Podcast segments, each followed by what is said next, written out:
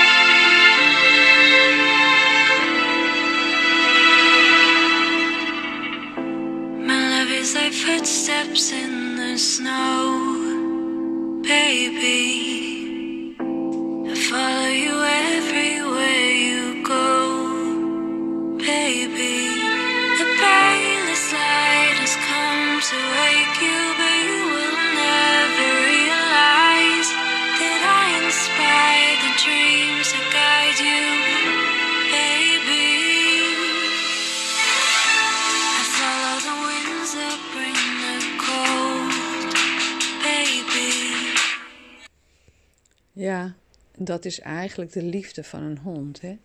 Liefde van een dier is onvoorwaardelijk. Uh, ik, heb, uh, ik was eigenlijk nooit een hondenliefhebber. Ik had altijd katten. Maar op een bepaald moment toen ben ik daarover na gaan denken. Omdat um, dit item gaat over de dood van een huisdier, dood van een geliefde. Wat is de dood? Wat, hoe ga je daarmee om? Um, ik als trainer, therapeut, uh, coach heb daar aan de lijve natuurlijk ook mee te maken. En recent is mijn uh, Labrador, uh, lieve Bodhi, de moeder van Baloo, die we ook hier in huis hebben, is toch plotseling voor mij overleden. Ik ben erbij geweest, ik heb het wel aangevoeld, maar ook niet willen weten. Ik heb er alles aan gedaan om ja, haar leven te verlengen. Maar de dood is natuurlijk iets wat eigenlijk uh, hoort bij het leven. Het leven en de dood. Ik was gisteren rozen aan het afknippen. Ik, de verwelkte oude rozen knip ik af. Om de nieuwe te laten bloeien. Dat weet je natuurlijk wel. Maar zo is de circle of life. Maar wij willen daar natuurlijk als mensen helemaal niet aan. En uh, mijn lieve Bodhi, die heb ik gekocht, uh, aangeschaft omdat toen de tijd mijn kind verdriet had over een partner die ik moest loslaten. En uh, die had een, uh, een gekleurde huid. En toen zei ik, weet je wat we doen? Ik zei, wat wil je voor hond? We gaan een vriendje zoeken die nooit meer weggaat. En wij noemden onze lieve, wij noemden onze vriend altijd uh, Bruintje. Of hij had het over skinny white. Dus wij maakten onze huid, we vonden elkaar prachtig. Dus dit is geen racistische opmerking, maar ik vond echt bruine huid vind ik sowieso heel mooi. Ik vind mijn eigen huid mooi. Voor mij bestaat er geen ras, geen cultuur, geen rassenverschil. Uh, maar wij zeiden, we gaan een bruintje halen die uh, nooit meer bij je weggaat. Want mijn zoon zei van, oh, ik wil een bruine labrador. Toen dacht ik, een chocolate. En uh, ja, wij noemden mijn vriend ook chocolaatje.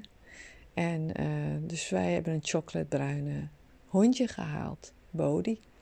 Ze heette eerst Bo, maar later toen ze ouder werd, werd ze statischer, toen was het Bodhi.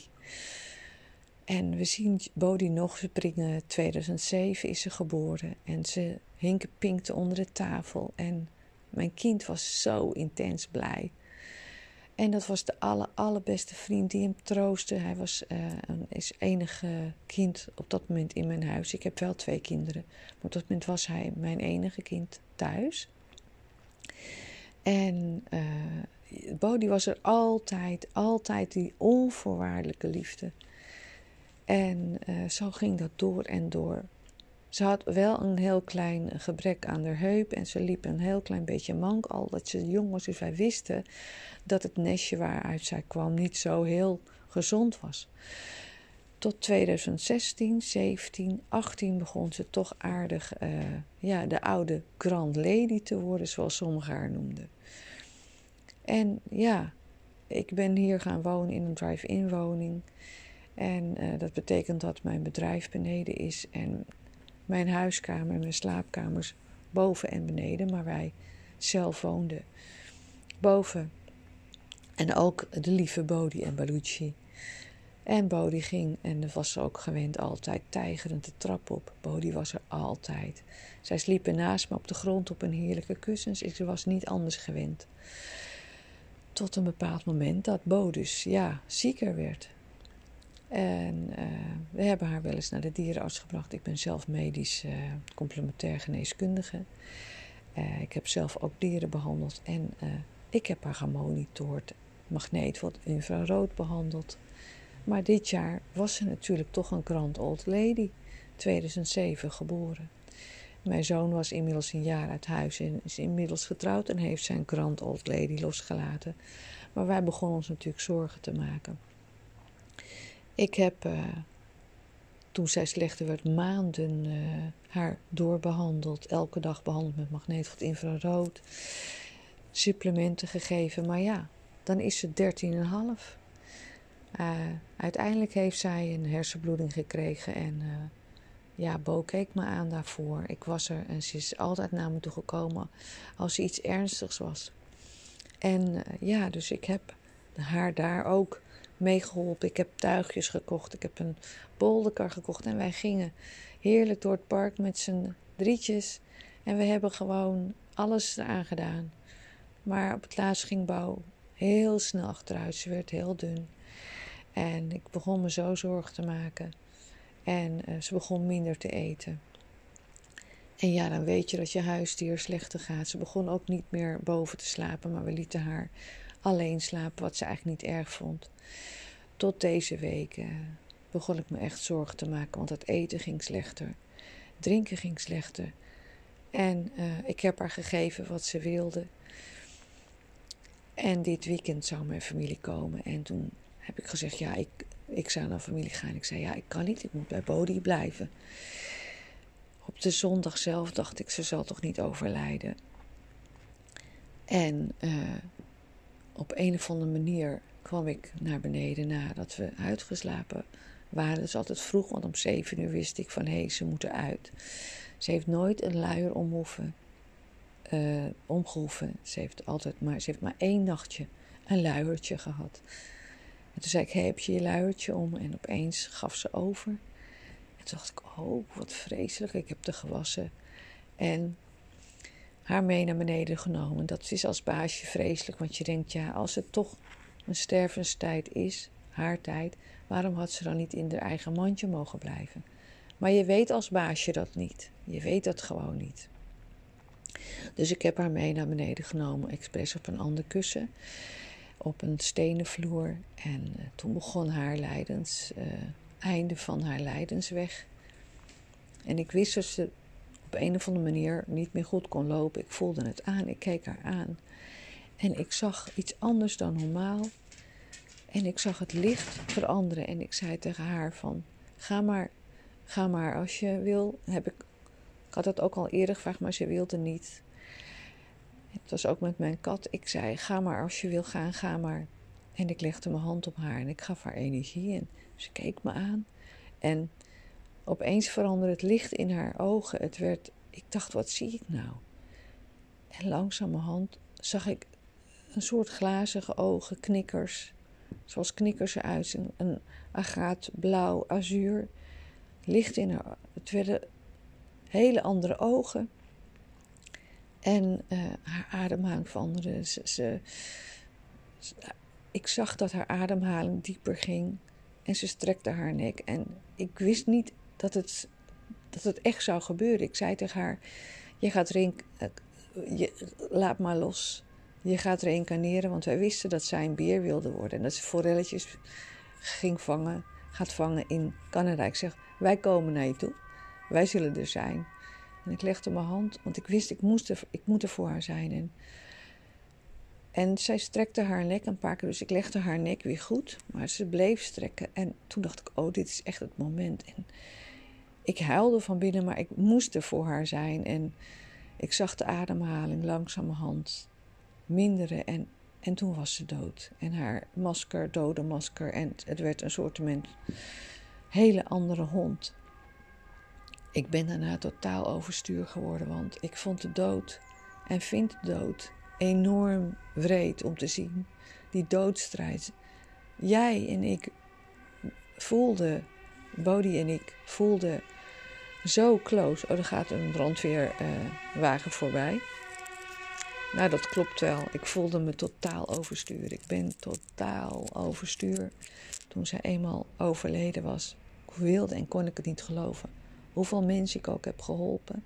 Hoeveel overledenen ik ook naar het licht gebracht heb. Hoeveel mensen ik ook, hoeveel dieren. Maar je eigen dieren zijn het vreselijkste wat je kan overkomen. En ik dacht, ja, ik moet toch beter weten, maar ik kon mijn emoties niet in bedwang houden. Dus ik dacht nog, eigenlijk vlak dat ze overleed, dacht ik, ik wil het UMC bellen en we gaan de ambulance zien. Maar dat kon niet meer. Ik heb haar toestemming gegeven, had haar toestemming gegeven om los te laten. Want Bodie wilde niet los, maar ze heeft gewacht op mijn zoon die zaterdag daarvoor kwam. Ze heeft eigenlijk gewacht en een vriendin van mij zei dat. Ja, ze wacht op Mau, laat Mau komen. En dat had ik ook met hem afgesproken. En we hebben nog gelukkig heerlijk geknuffeld met haar. Maar die dag kwam toch nog onverwachts. En waarom is die dood zo een doodstrijd? Hele veel huisdierenbaasjes kunnen dit niet handelen. Ik natuurlijk ook niet. Ik heb die vreedheid, die, die, die, die, die, die, dat losgaan, dat, dat roggelen. Uh, dat is natuurlijk vreselijk om aan te moeten zien. Maar het lichaam moet los, geest moet los. En wat heb ik daarna gedaan? Ik ben natuurlijk enorm overstuur gegaan. We hebben haar begraven, het was warm. Ik kon niet geloven dat ze dood was. Ik heb haar in de kofferbak gelegd. We hebben haar begraven in de tuin van mijn vrienden. En die hebben daar ook mijn lieve beer, de kat, begraven. En daar liggen dus twee van mijn lievelingshuisdieren. Ik was totaal overmand door verdriet omdat Bodie en ik zo close was, waren en zijn nog steeds. Ja, hoe ga je daarmee om? Dat kan niet. Je moet het los. Je moet het een plek geven. Je moet nadenken. En waar ik in de eerste tijd enorm mee bezig was. En wat ook heel normaal is, is het schuldgevoel van heb je het wel goed gedaan? Had je niet beter dit? Het ongeloof. Ik weet dat toen zij bij mij in de kofferbak in haar mooie witte vachtenkleed lag, waar ze in begraven is, zag ik ook de energie boven haar lichaam nog. Toen dacht ik, ze is toch wel dood. Ik heb een paar keer gekeken, maar ik dacht, ja, ja, ze is echt dood. Maar ik voelde haar energie nog in haar lichaam. Ze was er gewoon nog. Wat ik gedaan heb, is wat ik altijd doe, is een overgangsritueel. Om, die, om de geest van de overledene los te maken. En ik kreeg mentaal door dat zij eigenlijk klaar was, maar ik niet. En intuïtief voelde ik van hé, hey, ik moet het verdriet loslaten. Ik moet dit accepteren. Ik moet iets doen. En intuïtief zond ze mij dat ook. Doe jij maar je eigen emoties loslaten. En wat er gebeurt na de dood is dat er rust is. En uh, ik ben bij haar geweest. Ik heb haar rust gegeven. Dat zeiden ook de mensen en de vrienden om me heen. Je hebt altijd zo goed uh, je bent altijd beide geweest. Ik ging ook in haar mand zitten. Ik was, als ze wegging, aarde ik over haar heen. Maar we hadden ook nog te maken met Baloo. Baloo die, terwijl zij dus dood ging en eigenlijk haar lichaam aan het verlaten was, durfde hij niet langs haar heen. Dat had ik ook bij de dood van mijn eigen vader. Ik durfde niet. Ik was bang voor zijn geest. En want ik wist natuurlijk, en ik wist niet toen de tijd, toen ik 26 was, wist ik nog niet zoveel over de dood. Maar ik voelde wel intuïtief van dit is niet goed. En het hondje, haar zoon, die kon daar ook niet mee omgaan. En uh, het verdrietige is dat Bodhi moeder werd op haar 3,5, uh, toen zij 3,5 was. En zij is verkracht door de vader van uh, Baloo. En Baloo was een van de acht pups die, hebben die wij gehouden hebben. Mijn zoon wilde echt eentje nog bijhouden. Dus ik had twee heerlijke mooie chocolade honden, moeder en zoon. Maar die zoon Baloo die was zo geschrokken en die gek hoe dieren ook reageren. Alsof het oké was, hij had afstand genomen van haar lichaam. En de mensenmoeder was er nog en die zorgde ervoor, die andere moeder. En zo gaan soms dieren om met de dood. Hij, wanneer ik huilde, de dagen erna, was Baloetje er. En ik dacht, hé, hey, hij gaat er wel heel goed mee om, maar wat moeten we nou met een dier die dan nog alleen is en zijn moeder er niet meer is? Dus ik dacht, ja, ik ben NLP-trainer en ik ben medium. Hoe ga ik nou om met de dood? Maar ik moest het zelf een plek geven. Dus ik heb een sessie gedaan. Ik heb begrafenisolie gebruikt. Ik heb een ritueel gedaan. Ik heb, uh, wat ik voor Bodhi gedaan heb, is olie voor rust en uh, om angst te weren. Uh, die heb ik haar gegeven om haar veilig te voelen. Tijdens het proces heb ik ook, uh, vlak voordat ze overleed, heb ik haar olie gegeven tegen de pijn. Dus ik heb mijn hond, die stierf, heel veel rust kunnen geven. Maar wij hadden nu ook rust nodig. En dat verstrakken, dat roggelen, die ogen, dat was voor mij een, een, een beeld wat gewoon haar laatste minuten, haar strijd, dat, dat staat en stond op mijn Netflix, op mijn netvlies uh, gebrand. En toen dacht ik, ja, ik moet dit loslaten. Dus wat zou ik doen als NLP-trainer en adviseren aan mijn eigen patiënten, cliënten? En ik heb een uh, bontjas gepakt.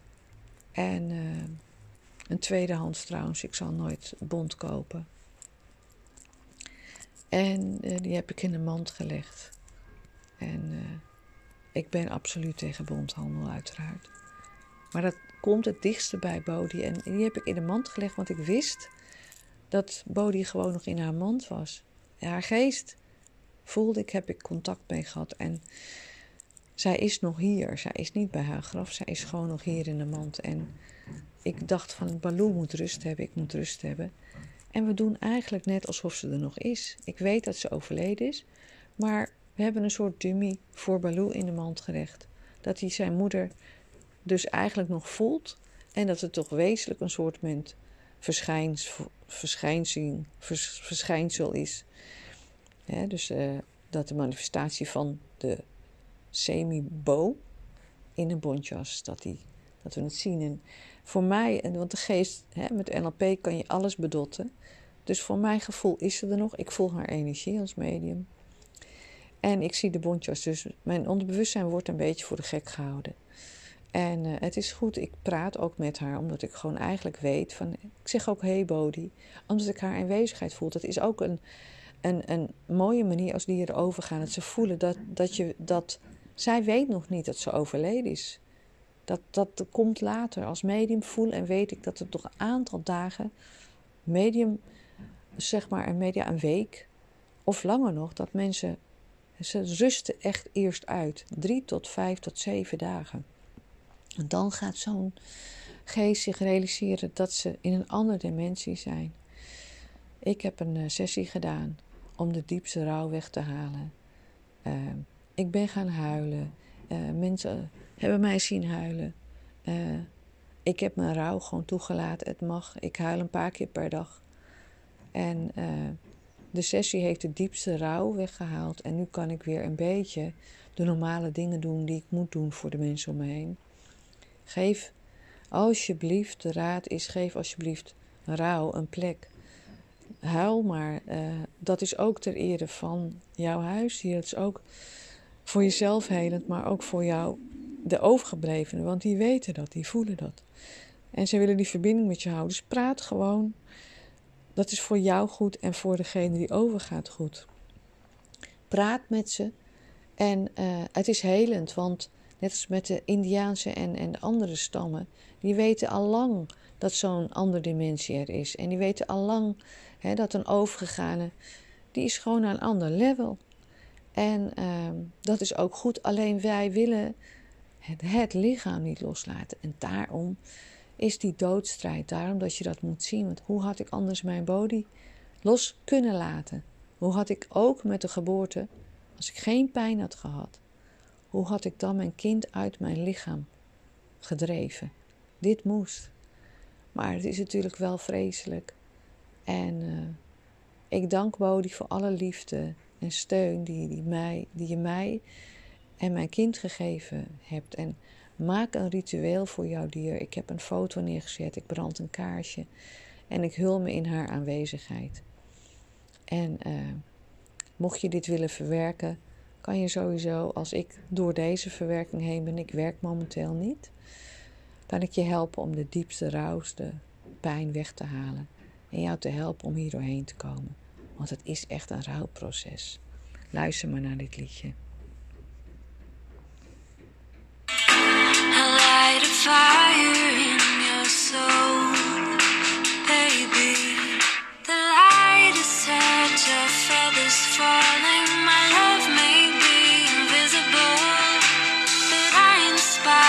Dreams that guide you,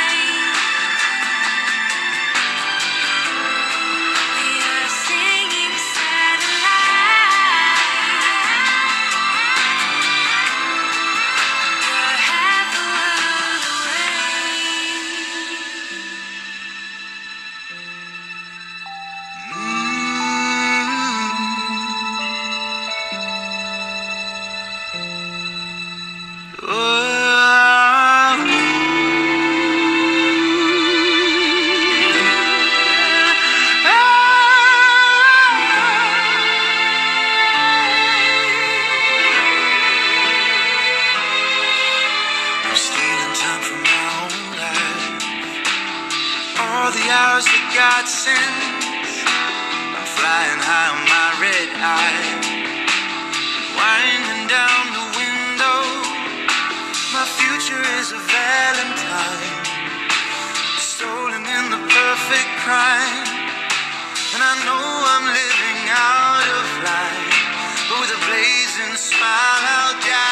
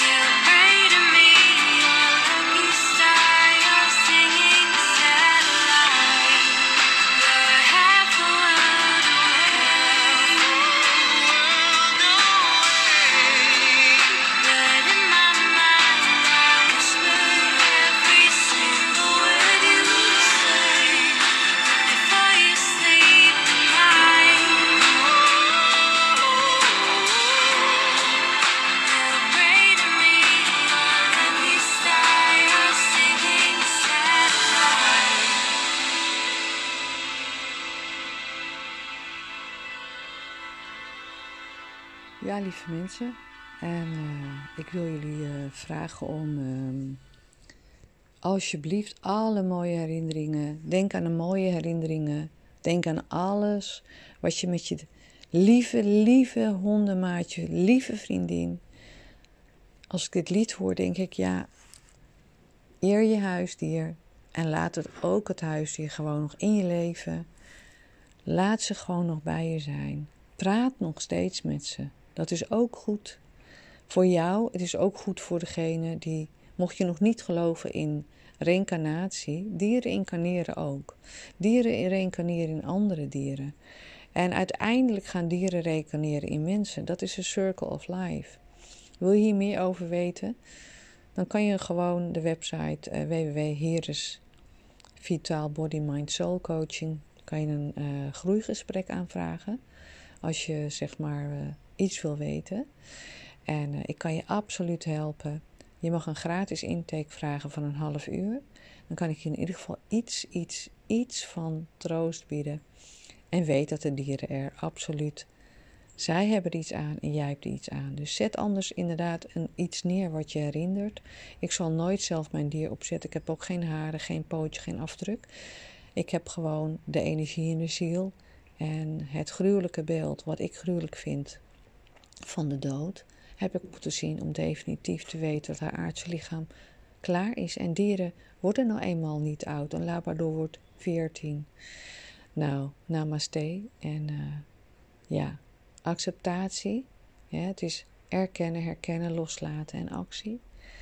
En uh, actie is dat je blijft leven en voor degenen die achter zijn gebleven, dat je doorgaat en absoluut ook voor jezelf. Heb je hulp nodig, kan je altijd een berichtje sturen.